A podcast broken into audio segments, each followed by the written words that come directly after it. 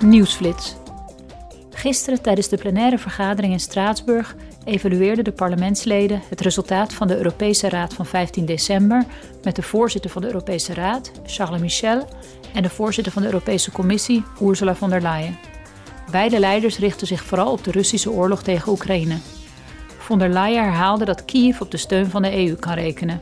We have just launched as European Union the We hebben als Europese Unie net het eerste gedeelte van ons steunpakket van 18 miljard euro voor 2023 vrijgegeven, 3 miljard euro.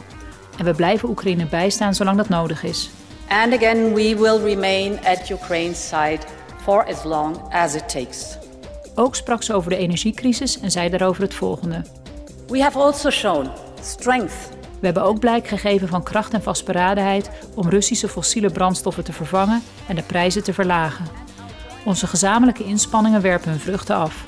De gasprijzen zijn nu lager dan voor de Russische invasie in Oekraïne.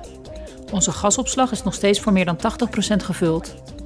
Dit is een van de hoogste niveaus ooit voor de periode van het jaar. Maar bovenal zijn we het afgelopen jaar in geslaagd om de dubbele hoeveelheid hernieuwbare energie op onze markt te krijgen. Of additional renewable energy that was coming to our market during the last year. Voorzitter Michel zei dat eenheid tussen de lidstaten van cruciaal belang is voor Europa als de Unie haar burgers vrede en welvaart wil bieden.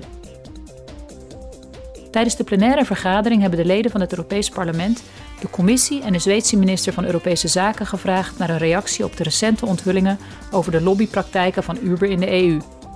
De belangrijkste vraag was hoe deze lobbyactiviteiten van invloed waren op de arbeids- en sociale rechten van Uber-chauffeurs. De EP-leden bespraken de bestorming van de Braziliaanse democratische instellingen.